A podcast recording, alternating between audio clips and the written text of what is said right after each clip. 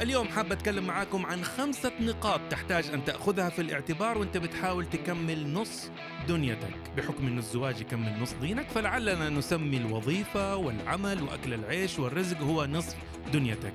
فضة رقم 14 الآن.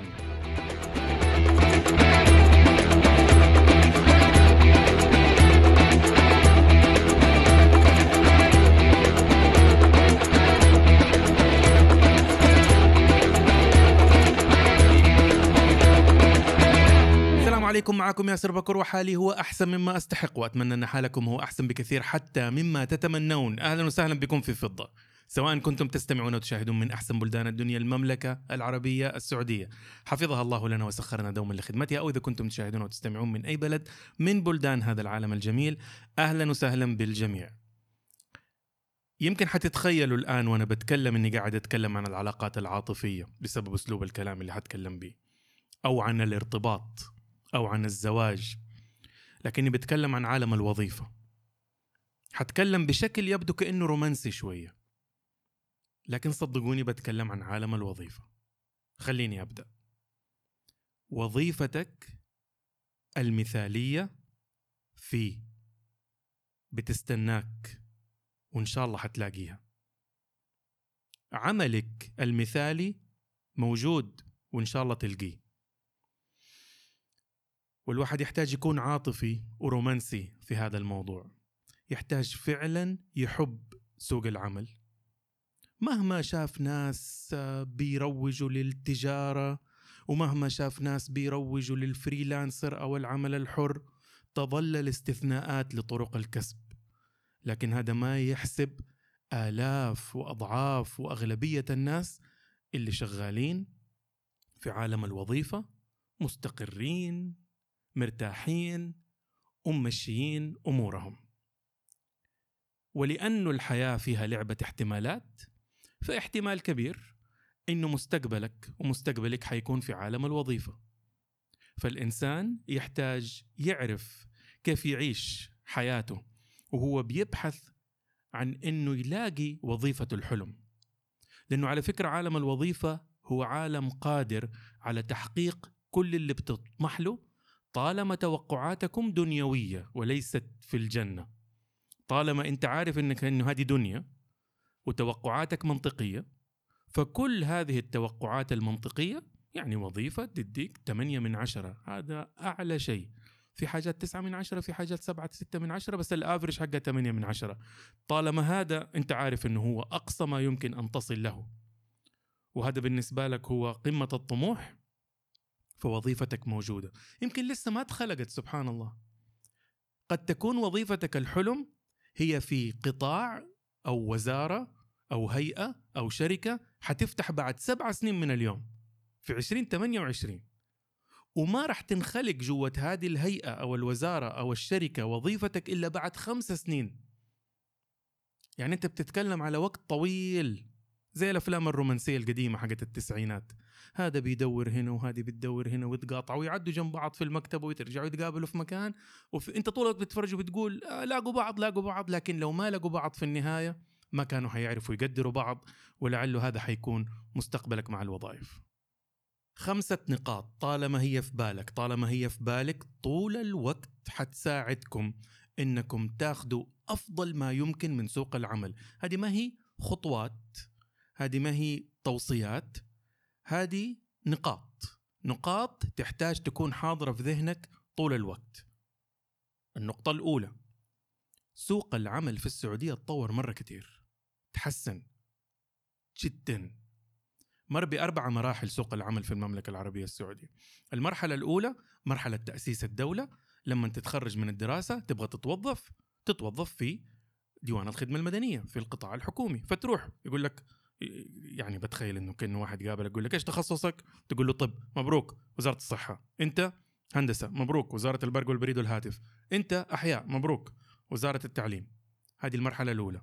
القطاع الخاص ما في، تشتغل تاجر، عقرجي، استيراد تصدير، شركة، فما كان أحد يشتغل في القطاع الخاص. المرحلة الثانية يجي خريج لنفس هذا الرجال يقول له إيش تخصصك؟ محاسبة مبروك وزارة المالية يقول له لا شكرا أبغى أشتغل في بنك إيش إيوه لا. القطاع الخاص صار فيه وظائف تنافس القطاع الحكومي. واو! هذه المرحلة الثانية. المرحلة الثالثة يجي واحد. إيش تخصصك؟ محاسبة؟ مم. ما عندي مكان فاضي. كثير راحوا يتوظفوا في القطاع الخاص. إيش؟ فل؟ وشفنا شيء اسمه بطالة. وشفنا لأول مرة ناس يبغوا وظيفة ما يلاقوا لا في القطاع الخاص ولا في القطاع الحكومي. هنا دخلنا في مرحلة اسمها السعودة. بدأت من 20 30 سنة تقريبا. إنه الحكومة اولا سعودت الكثير من جهاتها وبعدين طالعت في القطاع الخاص وعملت له استراتيجية سعودة وكان فيها تكتيكات جزرة وعصا. يا قطاع خاص سعود ما أبغى. سعود وديك فيز okay. سعود وديك فلوس okay. يا قطاع خاص سعود ما أبغى. ما حتاخذ فيز okay okay موافق. ما حتدخل المناقصة okay okay موافق. هذه كانت المرحلة الثالثة. اليوم إحنا عايشين في المرحلة الرابعة. واللي حصلت فيها شيء اللي يعيش في عالم الوظائف زمان يعتقد إنه معجزة. أصبح الموظف السعودي مرغوب يدوروا عليه. أصبحت الوظيفة للسعودي مي حكاية إنك تعبي عدد. أصبحت هذه عقيدة قناعة عند جهات عمل كثيرة جدا. ممكن يجيك مسؤول حكومي في هيئة أو وزارة ويقول يا أخي نبغى نوظف فلان. فيجي واحد يقول له ترى على فكرة لينكد ان مليان ناس بنفس هذا التخصص وراتبهم أقل. ما نبغى ده نبغى ده. ده اللي حيساعدنا نحقق الأهداف. أنا ماني جاي في الهيئة أو في الوزارة أو في الجهاز علشان بس أمشي الأمور وأسكن الناس في الرواتب ويجوني خريجين وأصرف لهم رواتب. أنا أبغى أحقق إنجازات وأحتاج أجيب الأشخاص اللي يقدروا يخلقوا هذه الأمور. فتحسنت جودة الوظائف. كذلك القطاع الخاص. الشركات الكبيرة والمتوسطة والصغيرة والستارت ابس المتناهية في الصغر كثير منهم صارت الحكاية هذه عقائدية. قربنا لكلمة تنقال في المجتمعات الغربية زي المجتمع الأمريكي لما تنقال تقشعر لها الأبدان وهي creating American jobs. فاليوم صار خلق وتطوير وظائف سعودية أمر أساسي ومهم رفع من مستوى الوظائف ورفع من سوق العمل. رقم اثنين تاني نقطة تخليها في بالك إنه مشوار الوظيفة طويل. 40 سنة. 40 سنة. إذا بدأت تشتغل في منتصف أو بداية العشرين وتقاعدت في منتصف أو بداية الستين هذا معناته أنك أنت اشتغلت أو اشتغلتي 35 إلى 40 سنة. لذا التعامل مع مشوار الوظيفة وكأنه سباق 100 متر تعاملك مع سوق العمل وكأنك يوسين بولت البطل الجامايكي الأولمبي الكبير في المئة متر ما هو قرار سليم. الأفضل أنك تتعامل معاه وكأنه سباق 3000 متر موانع أو حواجز. أغلبكم صغار في السن ما تفتكروا أنه كان عندنا بطل أولمبيادي رهيب ألعاب قوة رهيب اسمه سعد شداد الأسمري. كنت أحب سعد شداد الأسمري. كان يسابق في 3000 متر موانع.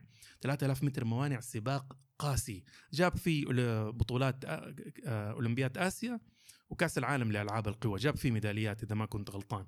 ترى تقريبا 3000 متر هو ملعب المضمار 400 متر ف سبع لفات ثمانية لفات تقريبا. وفي مانع من الموانع مائي. يعني تنط طب في موية ويصير في كرفسة ودربكة غير طبيعية. عالم الوظيفة 40 سنة تحتاج تتعامل معاه كأنك سعد شداد الأسمري كأنك بطل عربي تاني اسمه سعيد عويطة. بطل مغربي جاب بطولات وميداليات في الأولمبياد.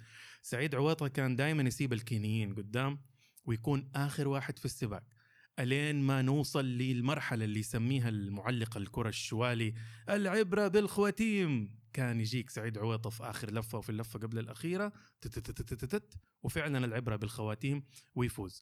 عالم المشوار الوظيفي طويل تحتاج تخطط له مظبوط وتفكر فيه كأنك بطلنا. سعد شداد الأسمر الله يذكره بالخير. رقم ثلاثة ثالث نقطة. مشوارك الوظيفي نصين من بداية العشرين إلى بداية الأربعين عشرين سنة. ومن بداية منتصف الأربعين إلى بداية منتصف الستين عشرين سنة. أول عشرين سنة هي سنوات الزرع البحث التنقيب البناء في ال gaming demo mode وآخر 20 سنة من منتصف الأربعين إلى نهاية إلى منتصف الستين هذه سنوات الحصاد التجميع التسكين أو ال live أو ال game mode في الحياة. فمهم جدا إنه في السنوات الأولى هذه أنت قاعد تتحرك فيها علشان لما توقف الموسيقى في لعبة الكراسي بتسكن مو في الوظيفة اللي تقضي فيها آخر 20 سنة لكن في الدور الصحيح في المستوى الصحيح اللي تعمله في سنوات الحصاد. إنك أنت تبغى في العشرين سنة الأولى أو النصف الأول من مشوارك المهني تجمع أكبر قدر ممكن من الخبرات والمهارات. والشهادات والبادجز أو الشارات اللي تكون موجودة علشان لما يصفر الحكم لما تبدأ المباراة لما تدخل لمرحلة الحصاد الحقيقية اللفة الأخيرة حقت سعيد عويطة وسعد شداد الأسمري تكون هنا خبراتك هي اللي تشتغل لك إمكانياتك هي اللي تشتغل لك في الفترة الثانية. فحركتك في العشرين سنة الأولى مهمة جدا إنها تكون حركة واحد بيزرع. واحد بينقب واحد بيبحث النقطة الرابعة، النقطة الرابعة هو من أن الوقت اللازم لإتقان خبرة معينة أو وظيفة معينة نزل. الوقت اللي تحتاجه الآن علشان تتقن مهارة ما أو وظيفة ما صار أقل. زمان بداية الألفين تسعينات تمانينات قطعا سبعينات وستينات مستحيل أقل من ثمانية سنين تستطيع أن تلم بعناصر مهمة معينة أو وظيفة معينة. صعب جدا. ما تعتبر عندك خبرة إذا ما جلست في المكان 8 سنين. فبالتالي لو جلست في المكان 8 سنين وصرت جاهز وجيت تبغى تترقى وقالوا لك ما في محل فاضي. يبغى لك تكي هنا خمس سنين. بس أنا جاهز نعرف وإحنا نعترف إنه أنت جاهز. بس فوق ما في مكان. يعني استنى خمس سنين إلين ما أحد يتقاعد يترقى أو يستقيل. زمان كانت النصيحة الصحيحة؟ أمسك أرضك. أجلس مكانك. لا تتحرك. The grass is not greener on the other side. لا تروح مكان تاني كأنك بتكشط مثلا في البر ولا شيء وتتخيل كل شوية تقعد تلاحق الأماكن الزرع ولما توصل لها تلاقي إنه هو نفس المنظر لكن من بعيد كان باين إنه هو أخضر. كانت النظرية أجلس في مكانك. لأنك رحت مكان ثاني حتحتاج ثمانية سنوات أخرى. أحسن لك تستنى هنا جنب الباب خمس سنوات. ممل. لكنه أحسن من الجري زي اللي آه، يبغى يروح مكان وفي خط مليان إشارات وممل وفي خط تاني من جوا الحواري. الخط الممل اللي في الإشارات يوصلك ثلاثة دقائق أسرع. المنطق يقول إنك تاخده. بنزين أقل احتمالية حوادث أقل لأنه ما في عندك شوارع فرعية وتوصل أسرع. من الطرق الفرعية اللي هي أكثر إثارة وتحس إنك أنت بتنجز لكن أنت في الحقيقة ما بتنجز بس ما تبغى توقف في إشارة واحدة ثمانية دقائق أو أو أكثر. فاليوم تغيرت اللعبة. أصبحت التقنية طرق العمل تطور التدريب تحسن أجواء الشركات ارتفاع مستوى الموارد البشرية خلى الإنسان يقدر يتقن عمل في خمس سنين أربع سنين. أحيانا ثلاث سنين. أديكم عليها مثال. أبغاك تتخيل واحد تخصصه إدارة الفعاليات والمؤتمرات. بس من عام 2000 لين 2004 أشتغلها في الجهات اللي كان عندها فعاليات وإدارة مؤتمرات. يعني كان شغال في الأمارة حقت المنطقة اللي هو عايش فيها أو وزارة التجارة أو كان شغال في الشركة بتسوي هذه الأشياء. لو هذا قضى الفترة من 2000 ل 2004 في إدارة المؤتمرات والفعاليات هل ينفع أخذه وأخليه مدير شركة أو مدير إدارة حقت فعاليات ومؤتمرات؟ لا ما له غير أربع سنين. مستحيل يكون عنده خبرة كفاية. حشوفه وأقابله لكن مستحيل يكون عنده خبرة كفاية. لكن اليوم لو واحد اشتغل في إدارة المؤتمرات والفعاليات لكن في الهيئة العامة للترفيه من 2016 ل 2020 غالبا حأفكر جدا في إني آخذه كمدير لهذه الإدارة الجديدة لأنه الأربع سنوات حاليا سرعة التعلم اللي فيها تغير وتيرة الحياة نوعية الإيفنتات نوعية الفعاليات نوعية المؤتمرات وتنوعها طوليا وعرضيا مختلف تماما. نفس الشيء اللي شغال في الإنتاج نفس الشيء اللي شغال في المحاسبة نفس الشيء اللي شغال في تخصصات كثيرة. فبالتالي الوقت اللي تحتاجه علشان تتقن وتسير مخضرم وعندك نيشان المحاسبة. نيشان إدارة خط الإنتاج قلت السنوات بتقريبا 50% النقطة الخامسة احتمالية إنك تلاقي وظيفة كويسة، يعني إيه وظيفة كويسة؟ يعني وظيفة كويسة وراتبها كويس ومديرها كويس وأجواءها كويسة وقطاعها كويس ومستقبلها كويس، وظيفة كويسة، وأجين بنتكلم عن الدنيا ما بنتكلم عن الجنة، بنتكلم على 8 من عشرة، بنتكلم على أربعة من خمسة. احتمالية إنك تلاقي وظيفة كويسة لا تتجاوز 20 إلى 25% يعني من كل أربعة فرص وظيفية أربعة حيكونوا فشوش فالصو مضروبين وواحدة اللي راح تكون كويسة. وأنا ما بفكر على عشوائي لا هذا بعد ما تختار وتستخير وتستشير وتفكر وتقارن وتزور وتشوف. بعد ما تعمل هذا كله احتمالية أن تجد وظيفة جيدة هي 20 ل 25% فنلعب مع بعض لعبة الاحتمالات. فرضنا جبت هنا أربع أوراق كوتشينة. أربعة منهم سود وواحدة حمراء. وقلت لك خمن أية واحدة الحمراء. احتمال ضعيف حتجيبها من المرة الأولى. احتمال جدا ضعيف حتجيبها من المرة الأولى. وكذلك في الوظائف. واحتمال جدا ضعيف إنك تجيبها من المرة الثانية. لكن احتمال أعلى.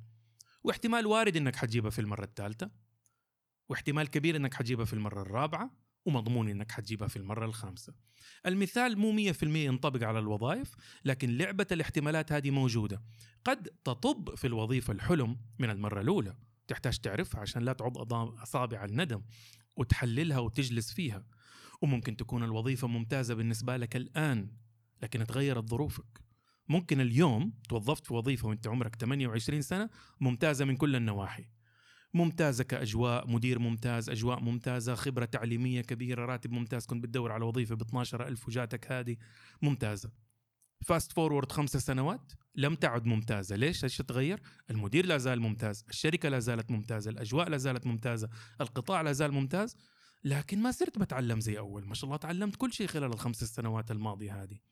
وراتب تحسن صار 14 لما كنت 12 كنت أعزب لحالي وفرحان بالفلوس. الآن عمري 33 وعندي طفلين ومتزوج وال 14 ما هي مكفياني فتغيرت ظروفي فتغير رضاي عن هذه الوظيفة. احتمالية إنك تلاقي وظيفة كويسة من كل أربعة أو خمسة حتلاقي واحدة كويسة. وده تقريبا كل شيء في الحياة. إيش نسأل نحن؟ نسأل بعض نقول تعرف دكتور أسنان كويس؟ والتاني يقول لك أسنان وكويس؟ وصعبه دي. تعرف سباك كويس؟ تعرف ميكانيكي كويس؟ تعرف مطعم دجاج كويس؟ وقف في مكان في مدينتك وأفتح في جوجل أكتب ساندويتش دجاج. جرب العشرة اللي يطلعوا لك. أقرب عشرة عشوائي ما تعرفهم أقرب عشرة. غالبا تعرف الإجابة. خمسة ستة منهم حيكونوا عاديين. ما تحتاج تجربهم تاني في حياتك أبدا. اثنين ثلاثة حيكونوا سيئين سيئين ما يتاكلوا أبدا الله يكرم النعمة. وواحد أو اثنين حيكونوا كويسين. تتكلم على نسبة رضا منخفضة جدا. وكذلك الوظائف وكذلك الموظفين علشان الواحد كمان يطالع في نفسه في المراية ويقول أنا يا ترى في أي إحصائية من هدول هل أنا مع الثمانين في المية اللي المدراء لما يجلسوا يشتكوا مشاكل المخمليين؟ تعرف مدير موارد بشرية كويس؟ تعرف مدير محاسبة كويس. فهل أنا من والخمسة وسبعين في المية الضعيفة أو أنا في أو الخمسة وعشرين في المية الكويسة؟ إذا سردنا خمس نقاط. سوق العمل اتطور كثير. هذه أول واحدة. ثاني واحدة مشوار الوظيفي 40 سنة. سباق 3000 موانع. ما يحتاجك تكون يوسين بولت يحتاجك تكون سعد شداد الأسمري. رقم ثلاثة مشوارك المهني نصين. أول 20 سنة زراعة وتنقيب. آخر 20 سنة تحصيل وحصاد وتجميع. النقطة اللي بعدها إنك تقدر تتقن الوظيفة في وقت أقل من الماضي. في ثلاثة لخمس سنوات تقدر تعتبر عندك خبرة معينة في مجال معين. وآخر نقطة احتمالية أن تجد وظيفة كويسة 20 ل 25% أعمل استنتاجك اللي أنت تبغاه. استنتجي ما بدا لك وما يحلو لك من هذه الخمسة نقاط. حأهديكم واحدة. إنه سؤال البحث عن الوظيفة المثالية يتغير ويكون. إيش حتكون سياستي؟ إيش حتكون استراتيجيتي؟ إيش حتكون التكتيكات اللي راح أتبعها؟ في الزراعة والتنقيب والبحث في العشرين سنة الأولى من البحث عن الوظيفة. ويا رب بإذن الله تلاقوا نصكم الثاني اللي يسعدكم ويهنيكم.